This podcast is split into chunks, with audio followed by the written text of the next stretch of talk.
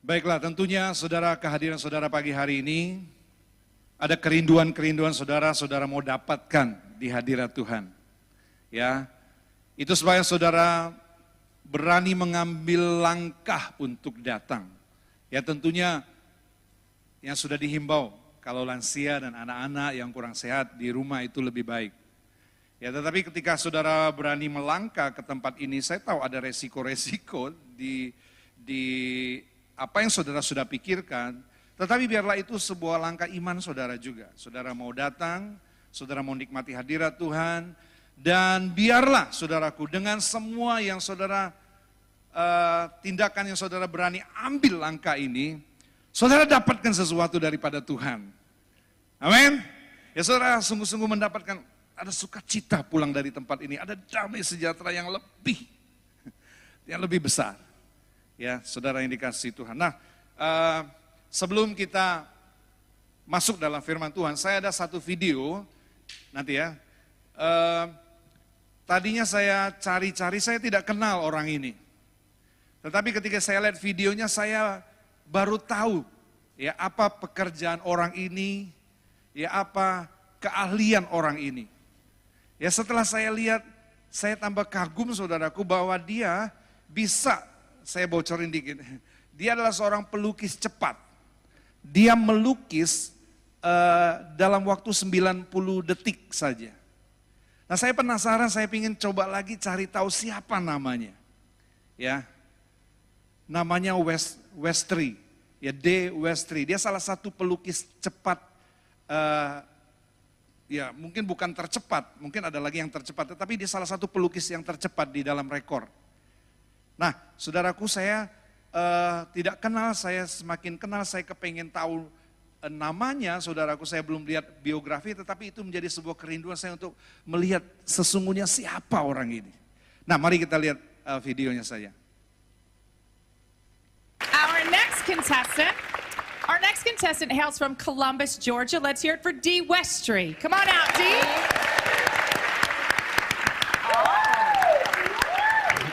All right, all right, all right. All right, so what is your talent? What will you be performing today? I'm a speed painter, and I'm going to do a Speed paint, painting in a minute and a half or less.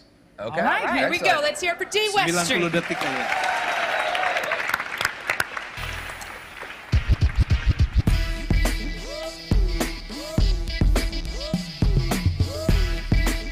Musiknya boleh tambah dikit lagi.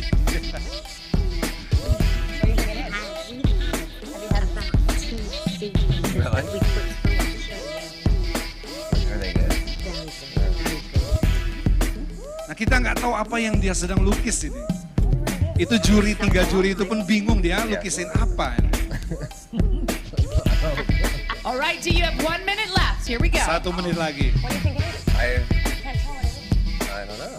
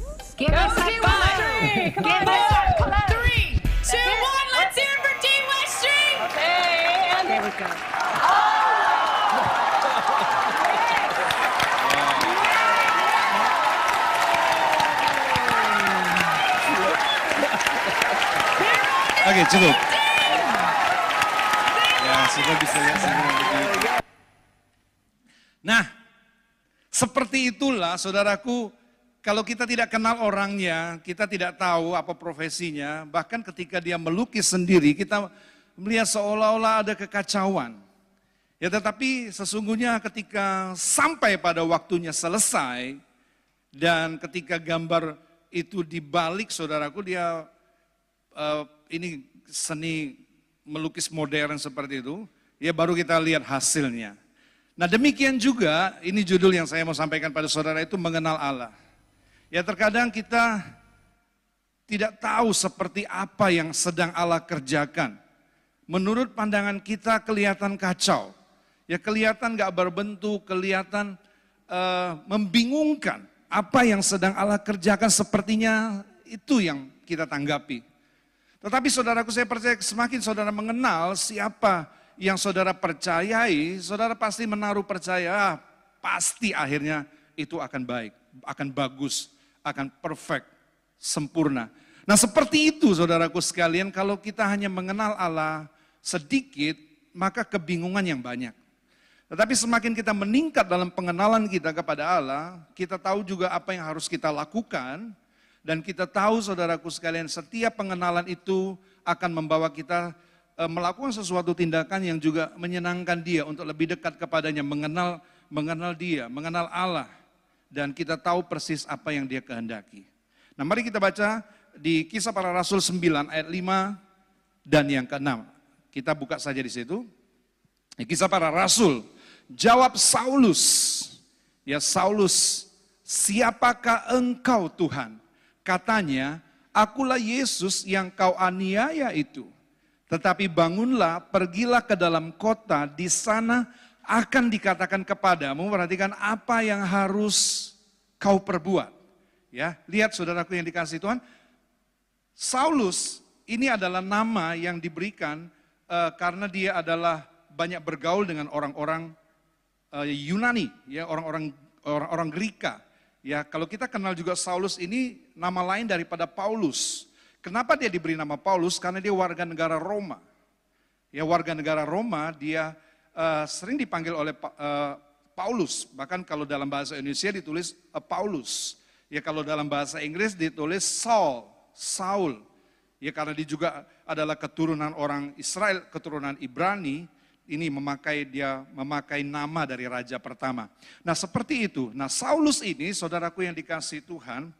Mari kita lihat uh, saudara perhatikan yang merah itu selalu ada hubungannya siapakah engkau Tuhan? Dia ingin tahu siapa Tuhan itu.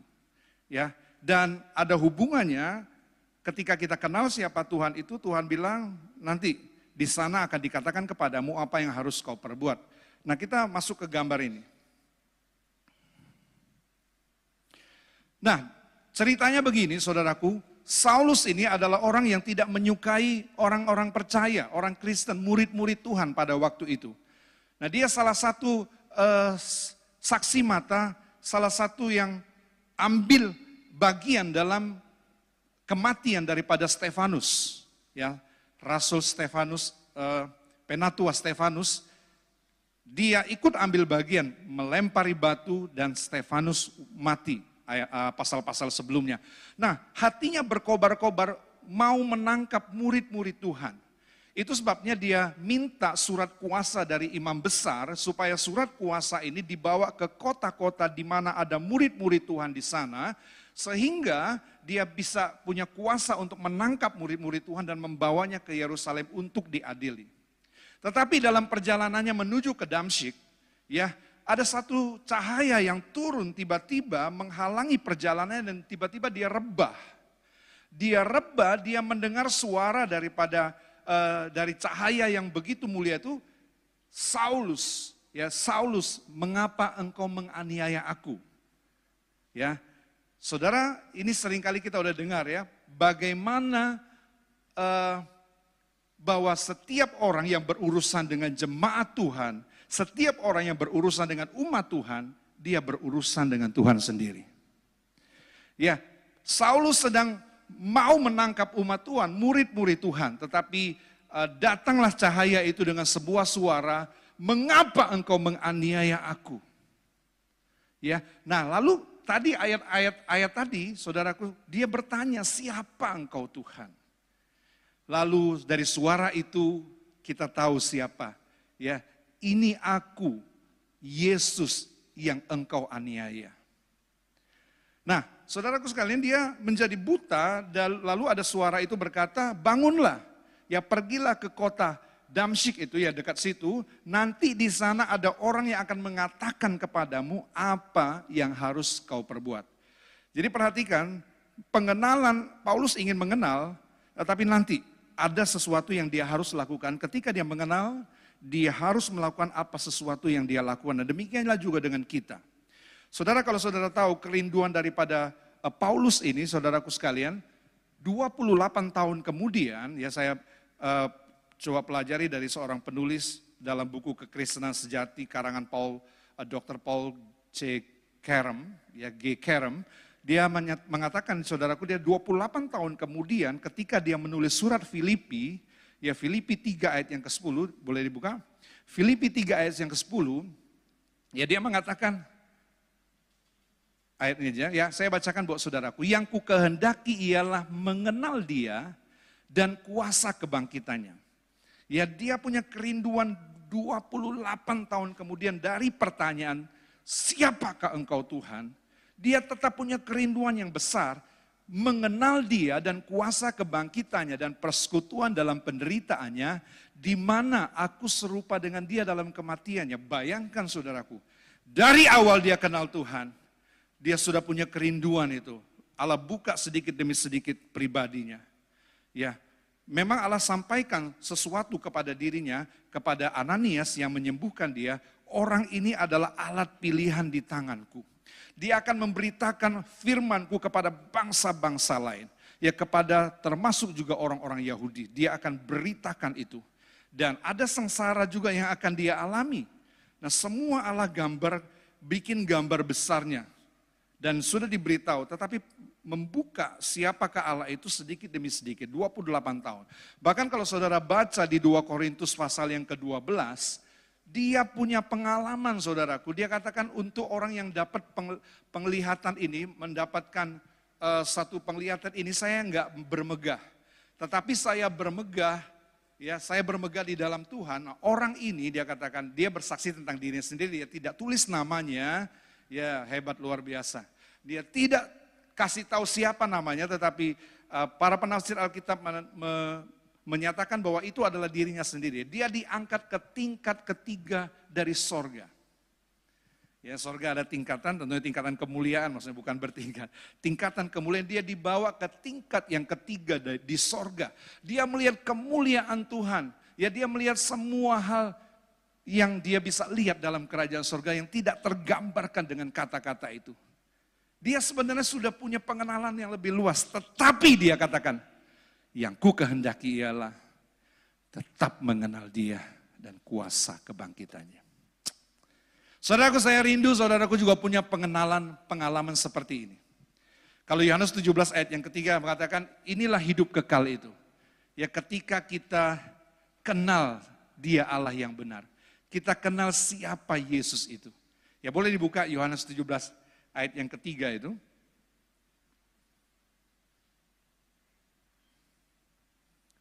Yohanes 17 ayat yang ketiga, baik saya baca sini saja. Yohanes 17 ayat yang ketiga. Sudah bisa lihat di situ.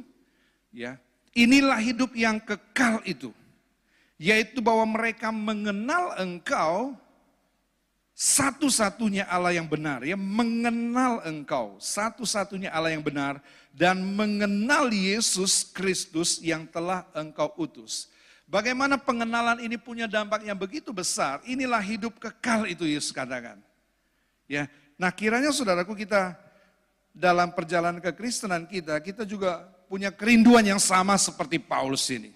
Zaman ini sukar saudaraku yang dikasih Tuhan berapa minggu ini Eh, berapa bulan inilah kita udah mendengar setiap firman Tuhan menguatkan, menguatkan, menguatkan saudara. Itu sebabnya saudaraku yang mendengar firman Tuhan di tempat ini. Kita berharap atau kami berharap, saya berharap, saudara adalah orang-orang yang semakin kuat. Ketika saudara dengar firman, saudara menjadi semakin kuat. Semakin kita mengenal, semakin kita punya pengharapan yang kuat, iman yang kuat untuk tidak mundur saudara. Ya minggu lalu kita diingatkan terus berjaga-jaga, berdoa. Karena pencobaan ini bukan pencobaan yang biasa. Lewat penderitaan, lewat godaan-godaan. Ya mas, semalam kami masih sharing dengan kemah. Ya kemah khususnya kema yang saya pegang, saudaraku, kami tetap sharing selama empat bulan, nggak ada kema offline, kami kema online. Ya kita bahas ini mana yang lebih berat, penderitaan atau kenikmatan yang bisa bikin kita jatuh. Ya penderitaan itu bentuk-bentuk cobaan. Dua-duanya punya peluang besar, saudaraku. Makin saudara punya punya uh, berkat yang banyak, punya uang yang banyak, saudara makin punya kesempatan untuk jatuh dalam dosa. Karena mudah mengakses dosa. Tetapi dengan uang yang banyak, dengan uh, harta yang banyak, saudara juga punya kesempatan untuk melayani Tuhan lebih luas lagi. Ya, saudara bisa memakainya itu untuk mendukung eh, pekerjaan Tuhan. Bahkan bukan hanya di, di Tegal ini, bukan hanya di, di gereja kita. Saudara bisa juga ikut mensupport ya apa yang saudara berikan untuk pelayanan pedesaan disalurkan oleh gembala itu menjangkau luas sekali di Indonesia ini hamba-hamba Tuhan. Nah seperti itu saudaraku kiranya semakin kita mengenal dia, semakin kita mengalami sesuatu ini, ya kita mau bertumbuh. Inilah yang Allah rindukan, inilah yang Tuhan rindukan untuk kita mengalami pengenalan akan dia. Nah, saudara saya ingin mengajak kita melihat beberapa pengenalan. Yang pertama kita akan mengenal, kita mengenal dia sebagai anak. Ya sebagai hamba, sebagai sahabat, dan sebagai mempelai. Saudara saya ingin katakan ini bukan bukan apa ya status, tetapi pengenalan kita. Pengenalan kita kepada Allah lah yang akan membuat Tuhan itu melihat siapa diri kita. Ya bukan berarti bahwa hamba itu lebih rendah dari anak. Ya, semua ini kita adalah anak. Tetapi dalam pengenalan kita kepada Tuhan, kita mengenal dia sebagai anak beda dengan kita mengenal dia sebagai hamba.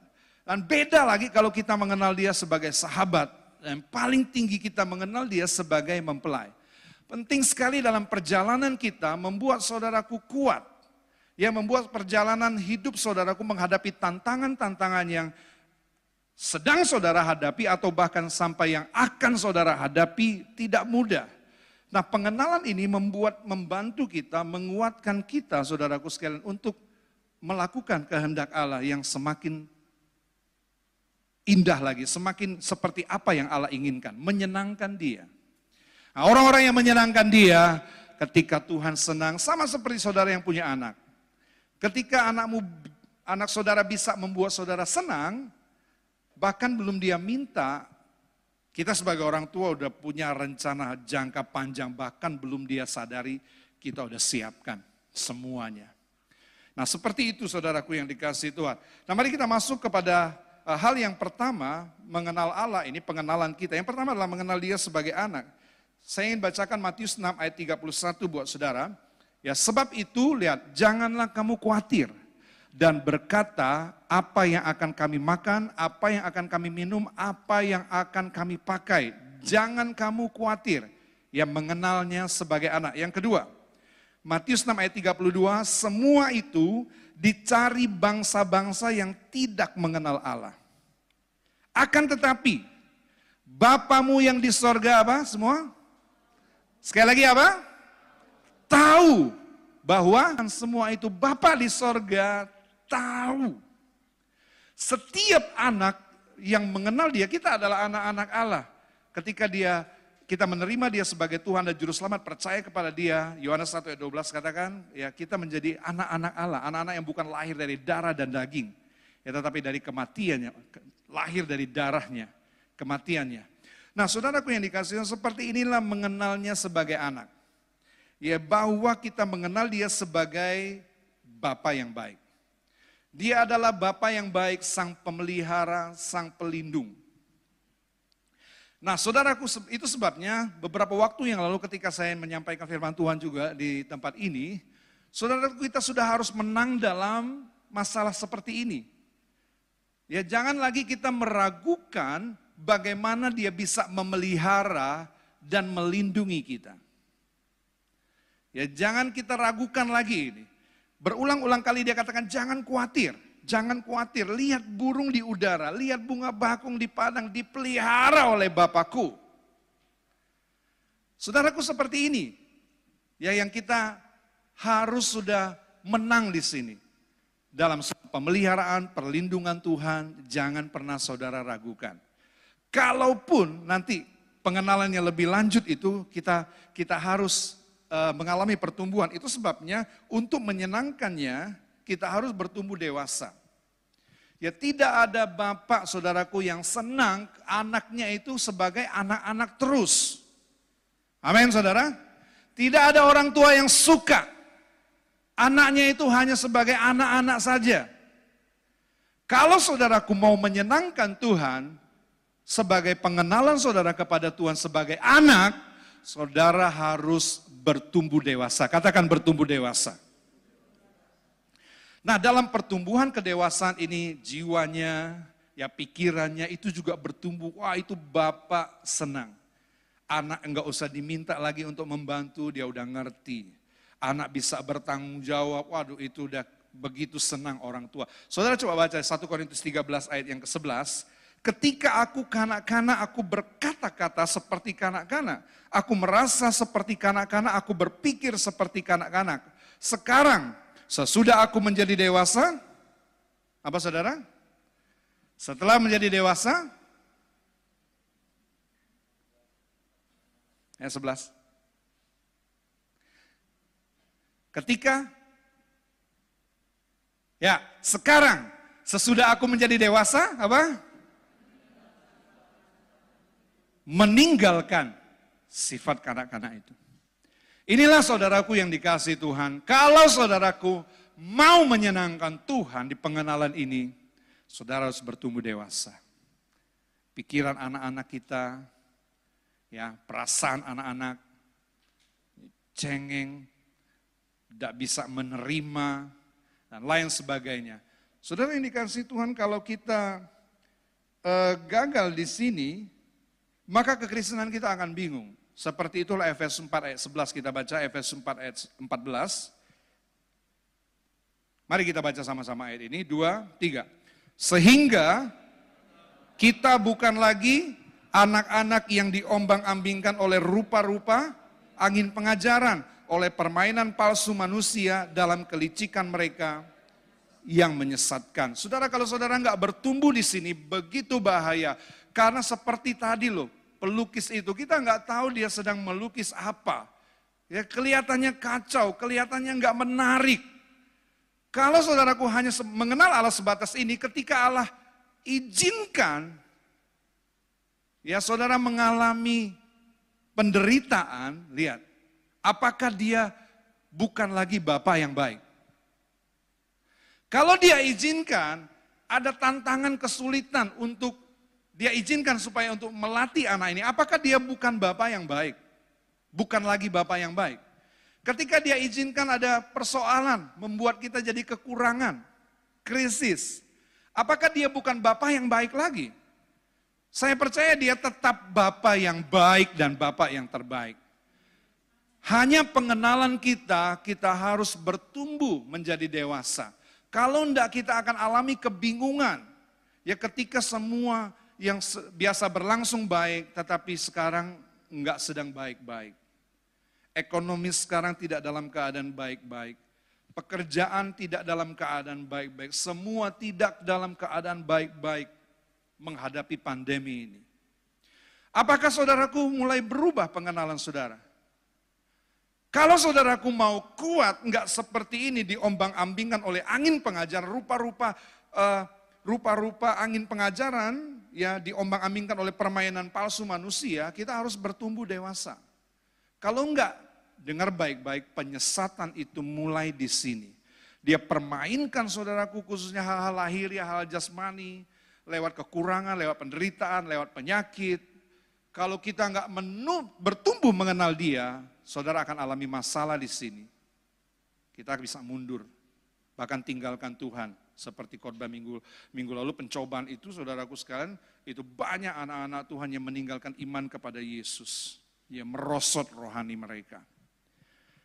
Ya, itu sebaik mari kita maju mengenal dia sebagai hamba Sekali lagi bukan berarti hamba ini lebih tinggi anak. Ini bukan bicara soal status. Semua kita adalah anak-anak, tetapi dalam pengenalan kita kepadanya, kita harus bertumbuh sebagai hamba.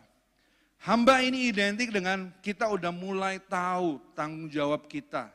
Ya, kita udah mulai tahu karena ya masih sebenarnya masih diperintah karena Nanti pengenalan lebih dalam itu kita masuk kepada sahabat. Mari kita baca ayat ini dulu. Yohanes 15 ayat 15a. Aku tidak menyebut kamu lagi hamba. Sebab hamba tidak tahu apa yang diperbuat oleh tuannya. Itu hamba nggak tahu. Tetapi tugas utama hamba dia melakukan perintah. Dia setia melakukan perintah tanpa mengetahui Apakah ini salah? Tidak. Ini pengenalan, belum saatnya Tuhan membuka semua. Ketika Tuhan membuka semua justru banyak kebingungan-kebingungan yang kita belum siap.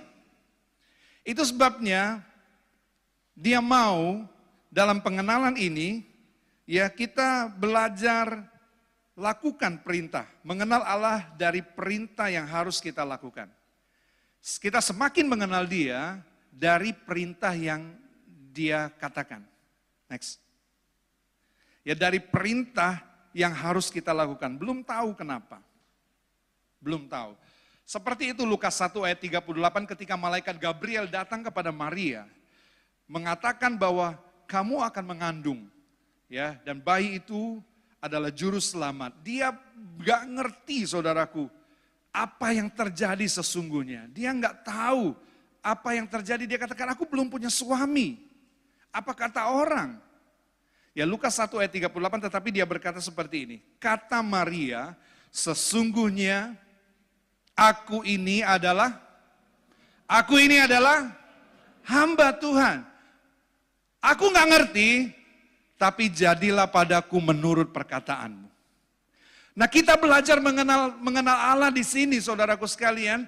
Kita belajar mengenal dia ya kita belum tahu kenapa, tetapi saudara harus percayai dia. Itu kalau saudara nggak meningkat di pengenalan kepada eh, mengenal dia sebagai hamba, kita nggak akan berani melangkah. Opo iyo, ya, apa iya ini yang mau maunya Tuhan? Eh, tapi ketika kita bertumbuh dalam pengenalan kita, kita tahu ini perintah Tuhan. Kita tidak tahu kenapa, lakukan saja. Lakukan saja sebab kita tahu nanti Tuhan akan menyatakan lebih indah lagi. Nah untuk menyenangkannya saudaraku kita harus melakukan kehendaknya. Kita belajar berserat tanpa banyak bertanya. Ya, Yohanes 13 ayat yang ketujuh katakan jawab Yesus kepada murid-muridnya waktu dia mencuci kaki murid-muridnya, Petrus nggak mau. Petrus menolak, kan murid-muridnya yang lain juga bertanya-tanya, ya eh, bertanya-tanya dalam hati, mereka nggak berani berani ngomong. Tapi Yesus katakan gini, apa yang kuperbuat engkau enggak tahu sekarang. Udah enggak perlu tahu dulu. Kalau tahu mungkin nanti kamu akan bingung. Ya, kamu akan makin kacau dalam pemahaman kita. Sebab apa? Sebab untuk mengenal dia enggak mungkin enggak lewat firman Tuhan. Untuk mengenal dia enggak mungkin enggak membaca firman Tuhan. Gak mungkin tidak mendengar firman Tuhan, gak mungkin tidak merenungkan firman Tuhan untuk mengenal dia. Dan kita berani melakukan yang kita ragu-ragu, tapi kalau iman kita berkata, ayo lakukan, lakukan. Tanpa banyak bertanya terlebih dahulu. Mudah nggak? Saya percaya belum ada yang belum sampai ke sini. Semua firman Tuhan dipertanyakan. Ya kalau sekali lagi, kalau saudara meyakini kami, hamba Tuhan, Bapak Gembala di tempat ini yang mengajar saudaraku, yang mendidik saudara dan saudara tetap di sini dari sejak anak-anak sekolah minggu, bahkan beberapa saudara yang baru-baru dan saudara menetapkan di tempat ini.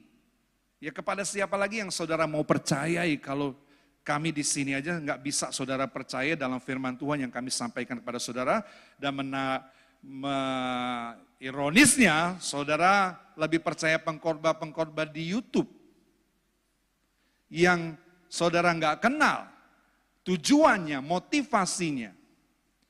Nah itu sebabnya saudaraku, kalau kita mau belajar mengenal Allah di sini, kalau saudara percaya sama pelayanan penggembalaan kami di sini, Yuk, kadang-kadang kita nggak ngerti, tapi belajar yuk.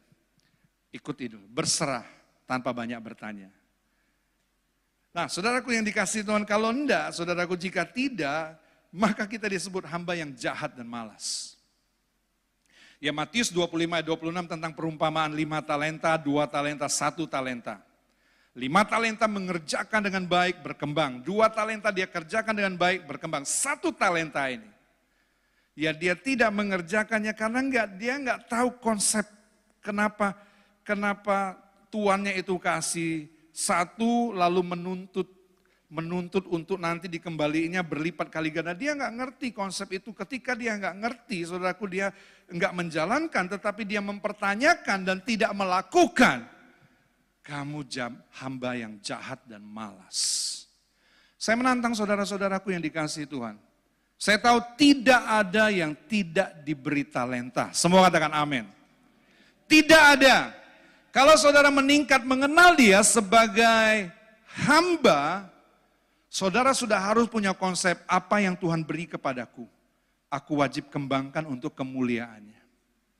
Jangan saudara berpikir semua yang saudara dapat itu untuk memenuhi tabungan saudaraku, ya investasi saudara, bahkan untuk anak-anak dan lain sebagainya. Itu ada bagian buat kita tetapi ada bagian Tuhan juga yang kita harus mengerti itu talenta. Kenapa tuh? Kenapa saudaraku diberi kecakapan sehingga dengan kecakapan saudara bekerja dengan baik dan ada hasilnya. Meningkat hasilnya, bertambah-tambah dari satu toko mungkin jadi dua toko ataupun berkembang berkembang dengan begitu luar biasa. Saudaraku sadar nggak bahwa itu adalah talenta-talenta yang kita temukan, yang kita kembangkan dan itu berlipat kali ganda. Kalau sampai saudara nggak menyadari hal ini, talenta saudara-saudara nggak kerjakan, disebut hamba yang apa? Jahat dan malas. Mari saudara, kalau kita mau bertumbuh, ada bagian Tuhan dalam hidup kita, jangan simpan. Saudara nggak perlu jadi hamba Tuhan, bukan nggak perlu, kalau bukan panggilannya, saudara bukan Saudara bekerjalah sebagai hamba Tuhan di toko saudara, amin. Bekerjalah hamba sebagai hamba Tuhan di perusahaan saudara. Ya. Yuk, kita harus mengerti ada bagian yang kita harus lakukan bagi kemuliaan Tuhan. Mari kita maju lagi mengenal dia sebagai sahabat. Pasal yang ke-15 Yohanes ayat 15b. Tetapi aku menyebut kamu sahabat karena, lihat baca sama-sama dua, tiga, karena aku telah memberitahukan kepada kamu segala sesuatu yang telah ku dengar dari Bapakku. Nah ini meningkat lagi. Sahabat itu mulai ngerti.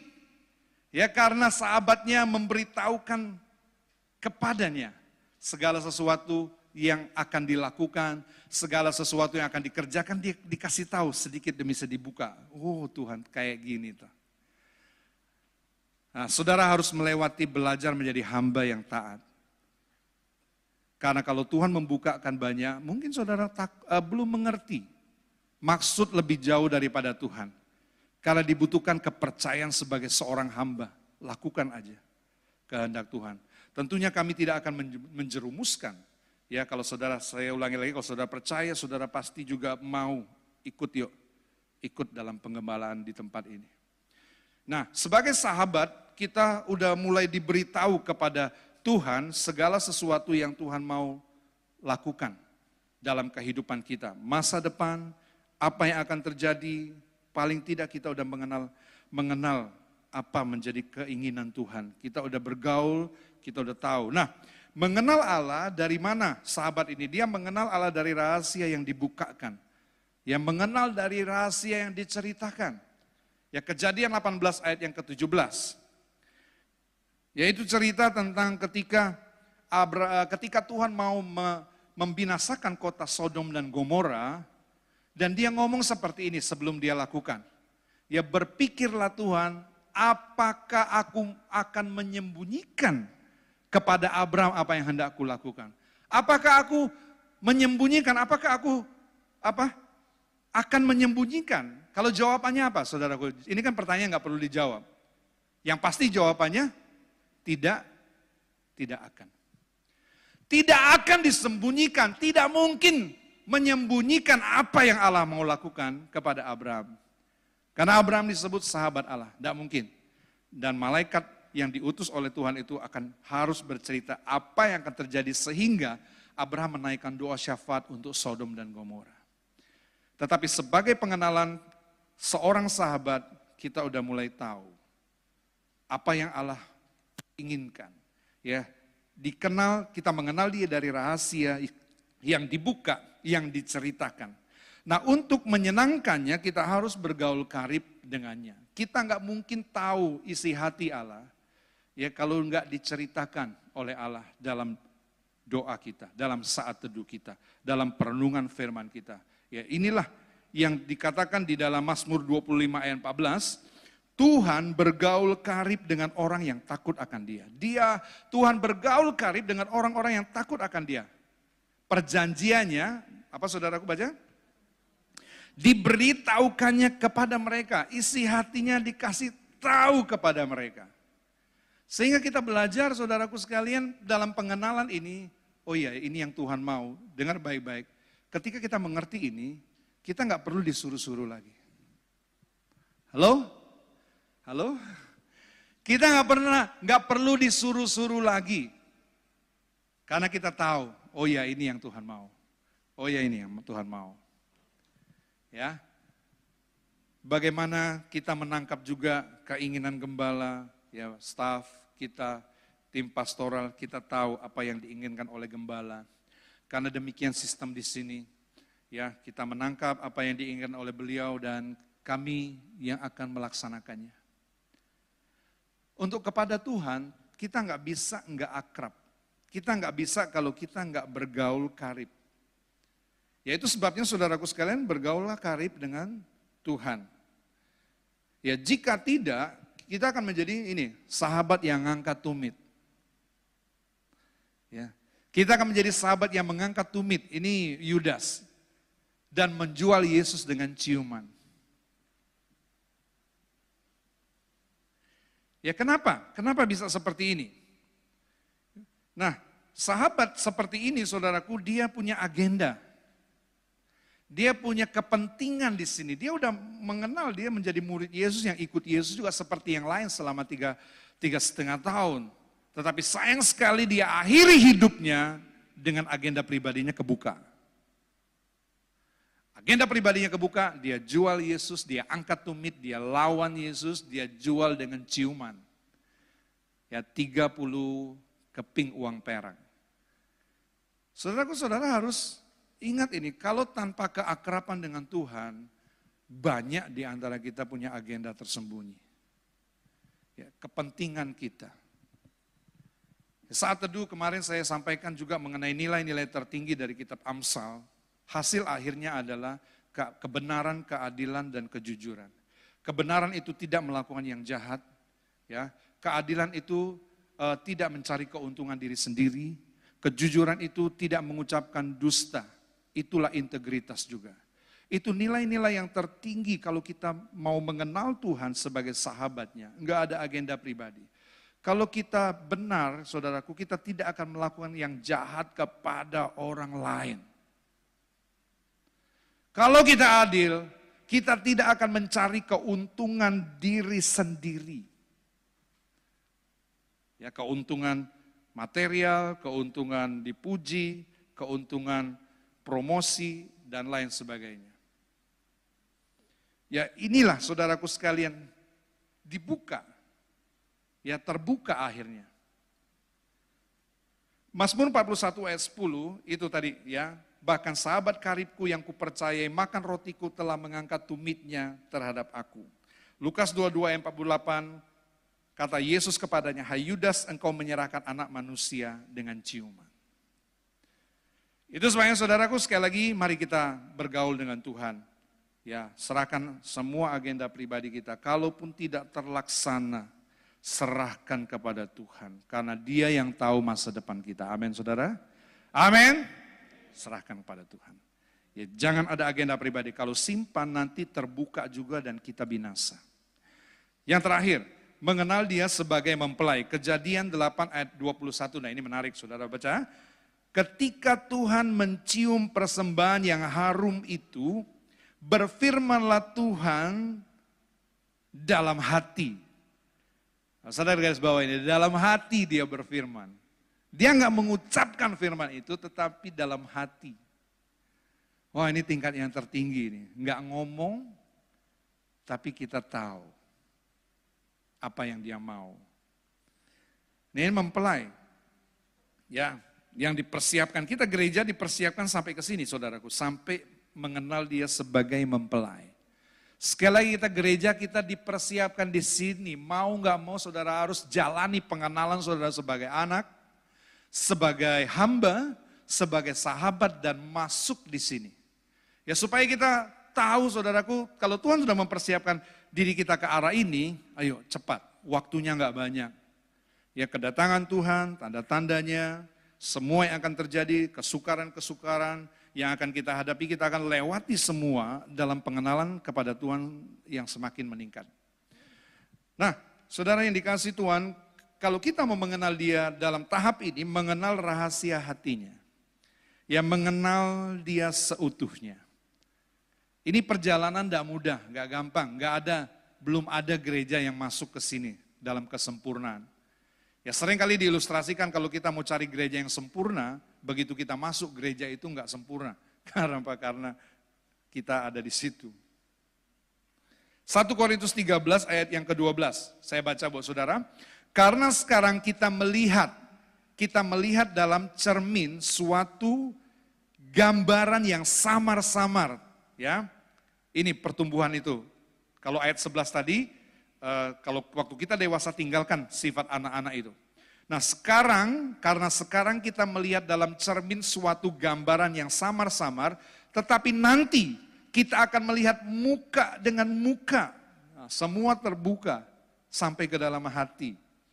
Sekarang aku mengenal dengan tidak sempurna, tetapi nanti aku akan mengenal dengan sempurna seperti aku sendiri dikenal. Enggak ada yang tersembunyi lagi, transparan, begitu transparan. Ya itu sebabnya gak, gak ada gunanya lagi menyimpan sesuatu yang busuk. Karena ketika transparan kita sendiri yang malu. Ini mengenal Tuhan sebagai mempelai. Sehingga kita benar-benar menjalani kehidupan ini tanpa beban di dunia ini saudaraku. Ya setiap kepentingan selalu jadi beban. Kalau itu agenda nggak terpenuhi selalu jadi beban. Tetapi ketika kita mau mengenal dia dengan seutuhnya, kita juga mau melepaskan semua yang buruk, semua yang kotor, toh kelihatan juga. Kalau kita mau bertumbuh. Nah untuk menyenangkannya kita harus masuk dalam keintiman sejati yaitu mengerti isi hatinya. Dalam pengalaman daripada uh, Musa, kita coba baca di dalam keluaran 32 ayat yang ke-9. Saya baca buat saudara. Di keluaran pasal 32 ayat yang ke-9 sampai yang ke-14. Lagi firman Tuhan kepada Musa, telah kulihat bangsa ini sesungguhnya mereka, sesungguhnya mereka adalah suatu bangsa yang tegar tengkuk. Ini bangsa Israel. Oleh sebab itu, lihat, biarkanlah aku, Tuhan ngomong sama Musa, biarkanlah aku supaya murkaku bangkit terhadap mereka dan aku akan membinasakan mereka tetapi engkau Musa akan kubuat menjadi bangsa yang besar. Ini kalau sampai terjadi, ini ada perubahan sejarah yang begitu dahsyat. Bahwa semua keturunan daripada uh, Yakub yang 12 itu hanya dipilih satu. Satu suku, yaitu dari suku Lewi ini keturunan Musa. Yang dipilih oleh Tuhan. Kalau Musa egois, Wow, saudaraku. Ah, tapi luar biasa Musa mengenal tingkat kedewasaannya begitu luar biasa. Ya dia tahu saudaraku sekalian bukan itu panggilannya. Dia serahkan, dia bilang kepada Tuhan ayat yang ke 11. Lalu Musa mencoba melunakkan hati Tuhan Siapa yang berani ini kalau enggak benar-benar sudah jadi sahabat? Ya, siapa yang berani? Kalau bos sudah marah, berani datang meneduhkan hati kalau enggak dekat. Kalau enggak kita ngerti memang. Dan atasan kita juga mengerti diri kita. Lalu Musa mencoba melunakkan hati Tuhan Allahnya dengan berkata dan sebagainya dan sebagainya dan sebagainya. Kita loncat sekarang ayat yang ke-14. Cepat saja. Ayat ke-14 apa? Dan menyesalah Tuhan. Menyesalah Tuhan karena malapetaka yang dirancangkannya atas umatnya. Bukan berarti Allah berubah-berubah. Yang bisa mendekati Allah ini hanya dalam hubungan pengenalan kepada dia yang begitu akrab, begitu intim dalam keintiman sejati yang bisa mengubah Allah. Wow kalau kita saudara, ya untuk menyenangkannya kita harus masuk dalam keintiman sejati, mengerti isi hatinya. Tanpa dia ngomong. Ya Musa udah tahu. Ya Tuhan ngomongnya ingin membinasakan, tetapi Musa tahu hatinya Tuhan. Ya walaupun nantinya kalau kita baca ayat-ayat sel selanjutnya, aduh kelewatan sekali ya, mereka malah bikin berhala. Tetapi Tuhan, Musa itu tahu hatinya Tuhan. Dia kenal Tuhan. Ya Musa itu mengenalnya. Dan kita bersyukur saudaraku yang dikasih Tuhan, Allah yang paling besar dalam diri Allah adalah apa? Belas kasihannya. Setiap orang yang merasa tidak berlayak, percaya belas kasihan Allah besar. Itu sebabnya dia beri kita kesempatan, waktu untuk terus bertumbuh mengenal dia. Percayalah belas kasihan Allah itu lebih besar daripada dosa, pelanggaran, masa lalu, kejahatan kita. Datang kepadanya, mau belajar mengenal dia. Kita tahu belas kasihannya masih ada sampai hari ini. Nah, marilah kita bertumbuh saudaraku sekalian, ya. Ini ada gambar. Semua aja buka. Ini sebagai kesimpulannya. Ya, mengenallah sebagai anak, kita tahu dia sang pemelihara dan dia pelindung, tetapi saudara harus bertumbuh dewasa. Bahaya kalau saudara hanya menjadi mengenal dia sebagai anak. Taunya Bapak itu baik, Bapak itu murah hati. Tapi kita harus punya pengenalan di sisi yang lain, melayani dia sebagai Tuhan. Dia pemilik hidup kita, lakukan kehendaknya itu sangat menyenangkan dia. Lakukan saja, kita belum ngerti, imani, lakukan. Yang ketiga, sebagai sahabat, kita punya hubungan dengan dia sahabat sejati, tidak ada rahasia. Ya, semua terungkap lewat saat teduh kita, lewat doa kita. Ya, lewat membaca firman Tuhan, merenungkannya. Dan dia rindu kita bergaul karib. Ayolah saudara, waktu-waktu saudara juga beri untuk bisa bergaul karib Ya ambillah waktu untuk lebih banyak berdoa. Kalau saudara mau lebih banyak juga berpuasa. Supaya saudara lebih menangkap lagi apa maksud Tuhan buat diri saya, apa maksud Tuhan buat masa depan saya, apa maksud Tuhan buat anak-anak saya. Supaya kita nggak berjalan menurut pemikiran kita sendiri. Apalagi pengenalan kita kepada dia sebagai mempelai. Dalam hubungan kita cinta, cinta sejati kita.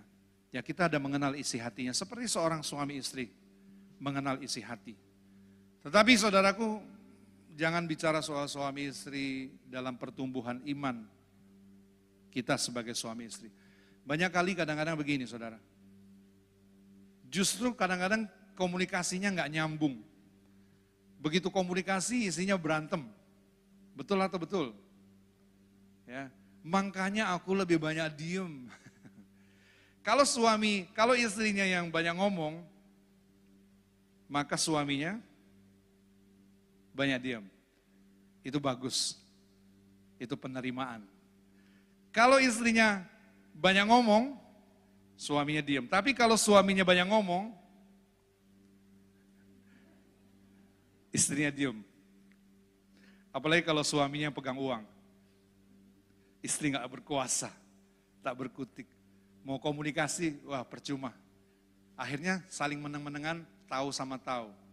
Tapi ternyata begitu nggak komunikasi, lebih kacau lagi. Nah itu kita. Kenapa? Kita belum melewati tahapan-tahapan pengenalan kita kepada pasangan kita seperti ini. Ya, itu sebenarnya pacaran itu cukup penting. Ya, jangan langsung buru-buru menikah. Saudara pacaran belum setahun, udah mau menikah. Saudara belum kenal sesungguhnya siapa dia. Kenallah dia dulu sebagai sahabat. Hanya sahabat yang mau menerima kelemahan, kekurangan saudaraku. Ya walaupun saudara punya kekurangan, kelemahan dan tetap jadi. Itu sahabat benar. Hanya sahabat yang mau menerima kelemahan, kekurangan kita dan tetap sampai hari ini. Ya berbahagialah saudara yang sedang duduk dengan pasangan saudara hari ini. Haleluya. Ya, saudara pasti melewati banyak hal. Tapi masuklah kepada cinta sejati. Ya, cinta sejati itu udah tahu. Uh, saya berharap pernikahan-pernikahan yang sudah 25 tahun, hampir 50 tahun, kayak Bapak Gembala, itu udah benar-benar sudah aman. Aman. Karena sudah tahu isi hatinya. Udah tahu, nggak perlu lagi banyak bertengkar. Amin. Nggak perlu lagi banyak ribut nggak perlu lagi konflik. Wah, ini paling berbahagia keluarga seperti ini nyambut kedatangan Tuhan dan menghadapi hari-hari yang sukar ini. Nah ini dia akan bawa kita ke hal yang terakhir, pesta perkawinan anak domba. Kita baca ayat terakhir ini yuk. Di Wahyu pasal yang ke-19, Tuhan singkirkan kita di padang gurun, khotbah Bapak Gembala kemarin, tetapi rencana terakhirnya dia bawa kita kepada pesta perkawinan anak domba. Wahyu 19 ayat 7. Marilah kita bersuka cita dan bersorak-sorai dan memuliakan dia. Ini sebuah sukacita besar ini. Karena hari apa? Saudara baca sama karena hari perkawinan anak domba telah tiba dan pengantinnya telah siap sedia. Udah siap nih pengantinnya. Ini peng, mempelainya. Ayat 8, ayat 8, dan kepadanya dikaruniakan supaya memakai kain lenan halus yang berkilau-kilau yang putih bersih. Lenan halus itu adalah perbuatan-perbuatan yang benar dari orang-orang kudus. Ayat 9. Lalu ia berkata kepadaku, tuliskanlah. Baca sama-sama, dua, tiga. Berbahagialah mereka yang diundang ke perjamuan kawin anak domba. Katanya lagi kepadaku, perkataan ini adalah benar perkataan-perkataan dari Allah. Semua kita akan ada di pesta pernikahan anak domba itu sebagai anak-anaknya yang dewasa mengenal dia. Tetapi perhatikan, ada yang sebagai mempelai. Ada yang sebagai sahabat. Ada yang sebagai hamba. Dalam konteks bukan berarti saudara dilayani, saudara akan melayani, makan, bukan. Ini pengenalan. Ada hamba. Tetapi di pesta itu juga ada anak-anak. Anak-anak yang nikmat sendiri tidak nikmati perjamuan. Biasakan begitu kalau anak-anak kita aja. Ini tingkat pengenalan sekali lagi, bukan berarti nanti uh, ada mempelai. Kita semua adalah satu tubuh nanti menjadi tubuh Kristus yang mulia. Tetapi ada tingkat kemuliaannya, ada tingkat pengenalannya.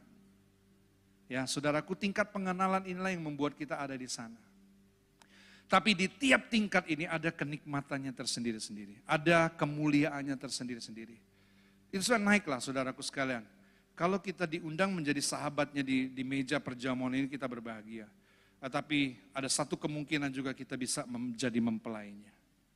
Yang mempelai yang memang dipersiapkan untuk anak domba Allah itu. Dari mana? Dari tingkat pengenalan kita.